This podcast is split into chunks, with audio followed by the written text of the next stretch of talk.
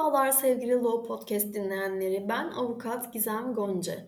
Bugünkü Law Podcast serimizde sizlere evlat edinmenin kişisel sonuçlarına ilişkin davalardan bahsetmek istiyorum. Bir önceki Law Podcast serimizde evlatlık ilişkisine ilişkin birçok dava türünden bahsetmeye çalıştım. Bugünkü konumuz oldukça önemli. Şöyle ki, evlat edinme kararı ile evlatlık ile evlat edinen arasında bir soy bağı kurulmuş olur. Evlat edinme kararı ile evlatlık ve evlat edinen arasında kurulan soy bağı ilişkisinin kişisel sonuçları da bulunmaktadır. Nedir peki bu kişisel sonuçlar? Birincisi adı ve soyadı, ikincisi anne babanın adı soyadı, üçüncüsü vatandaşlık, dördüncüsü hısımlık ilişkisi, beşincisi evlenme yasağı, velayet hakkı, genetik ana babanın kişisel ilişki kurma hakkı, yerleşim yeri, ailenin huzur ve bütünlüğüne uygun davranma yükümlülüğü, aile kütüğü arasında her türlü bağın kurulması ve son olarak açıklama yapılamaması yükümlülüğünün de bulunmasıdır. Kısaca size bunlardan bahsetmek istiyorum. Adı ve soyadı konusu.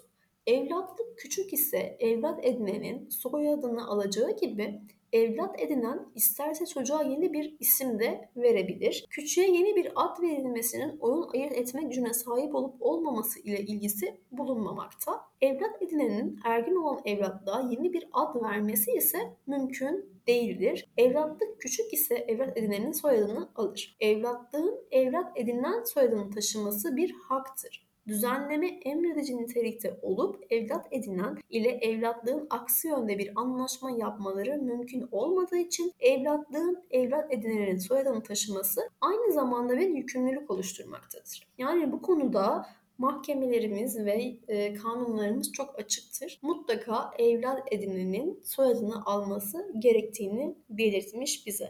Evlat edinme kararında evlatlığın evlat edinenin soyadını alacağı konusunda bir açıklık bulunmasına gerek yoktur. Evlat edinme kararında bu yönde bir düzenleme olmasa bile Evlatlık küçük ise evlat edinenin soyadını kendiliğinden alır. Evlatlık daha sonra ergin olan daha sonra ergin olsa bile evlat edinenin soyadını bırakarak genetik ailesinin soyadını taşıması mümkün değildir. Evlatlık küçük ise evlat edinenin soyadının yanı sıra genetik ailesinin soyadını bir taşıması da mümkün değildir. Yani sizin iki tane soyadınızın olmasının da mümkün olmadığını açıkça düzenlemiştir. Bir diğer konu ise anne babanın adıdır. Eşler arasında birlikte evlat edinilmeyen küçüklerin nüfus kaydına anne ya da baba adı olarak evlat edinenin adının yazılması mümkün değildir. Bu da çok çok açık bir husus. Dolayısıyla eşlerden bir tarafından tek başına gerçekleştirilen istisnai evlat edinmelerde dahi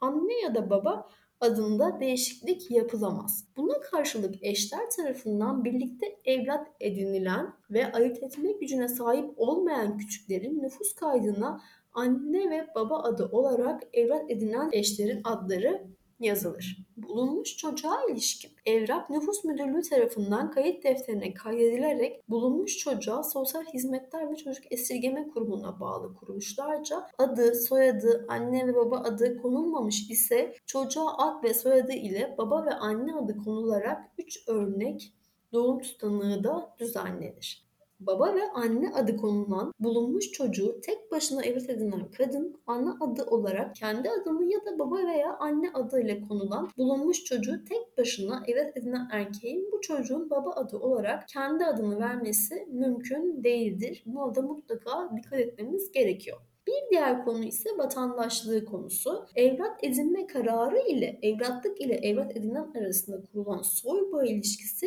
Türk vatandaşlığının kaybı için bir sebep oluşturmaz. Örneğin bir Türk vatandaşı yabancı bir kişi tarafından evlat edinilmiş olsa bile evlat edinilen kişi Türk vatandaşlığını muhafaza eder. Kısımlık ilişkisinde ise evlat edinme kararı ile evlat edinen ile evlatlık arasında kan bağına dayanmayan yapıntı bir hısımlık ilişkisi oluşur. Evlatlık ilişkisinin sürekliliği ilkesinin doğal sonucu olarak evlat edinen ile evlatlık arasındaki hısımlık ilişkisinin ortadan kaldırılması mümkün değildir. Evlat edinme kararı ile Evlat edinen ile evlatlığın gerek kan hısımları ve gerekse kayın hısımları arasında hısımlık ilişkisi oluşmaz. Evlat edinme kararı ile evlat edinen ve evlatlığın alt soyu arasında hısımlık ilişkisi oluşur. Bilindiği üzere hısımlık ilişkisinin sonucu olarak evlat edinen ile evlatlığın alt soyu eşi arasında evlenme yasaktır. Evlat edinme kararı ile evlatlık ve evlat edinen arasında kan bağına dayanmayan yapıntı bir hısımlık ilişkisi oluşur. Evlatlık ilişkisinin sürekliliği ilkesinin doğal sonucu olarak evlatlık ile evlat edinen arasındaki hısımlık ilişkisinin ortadan kaldırılması mümkün değildir. Evlat edinme kararı ile evlatlık ile evlat edinenin gerek kan ısımları ve gerekse kayın ısımları arasında hısımlık ilişkisi oluşmamaktadır. Bunu da yukarıda size detaylı bir şekilde izah etmeye çalışmıştım. Bir diğer konu aslında en önemlisi evlenme yasağı konusudur. Evlat edinen ile evlatlığın veya bunlardan biri ile diğerinin alt soyu ve eşi arasında evlenmek yasaktır. Türk Medeni Kanunu'nun 129.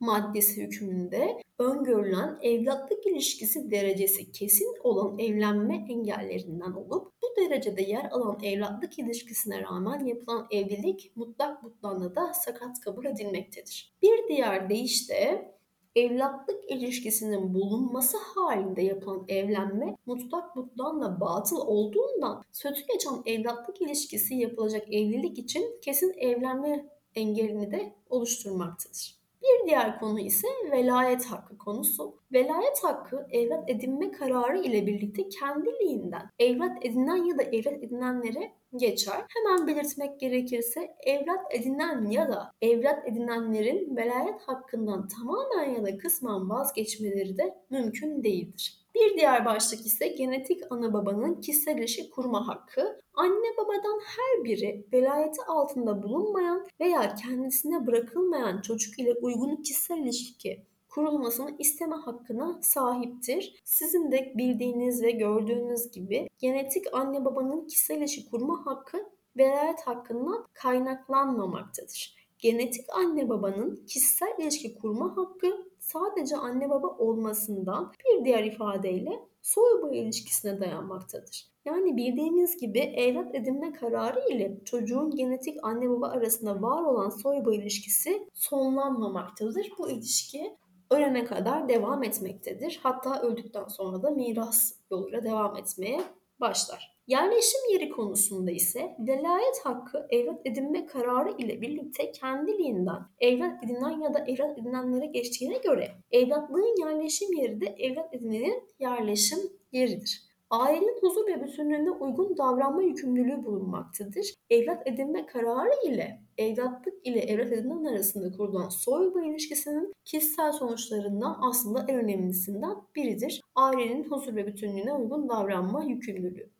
Bir diğer konu ise aile kütüğü arasında her türlü bağın kurulmasıdır. Evlat edinme kararı ile evlatlık ve evlat edinen arasında kurulan soy ilişkisinin kişisel sonuçlarından bir diğeri de aile kütüğü arasında her türlü bağın kurulması konusunda gerçekleşmekte. Ben bugün sizlere evlat edinmenin kişisel sonuçlarından bahsetmeye çalıştım. Hepsinin ayrı ayrı en önemli sonuçları mevcut. Konuda herhangi bir problem yaşarsanız mutlaka aile mahkemesinde dava açmanız gerekiyor ve dava açarken de davanın konusuna belirtmeli ve davanızda hangi konulara, hangi olaylara değiniyorsanız bunları açıkça ifade etmelisiniz.